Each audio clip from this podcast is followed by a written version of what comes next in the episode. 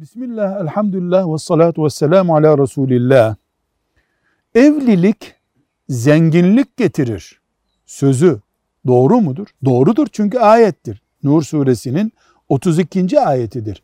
Efendimiz sallallahu aleyhi ve sellemin 1655.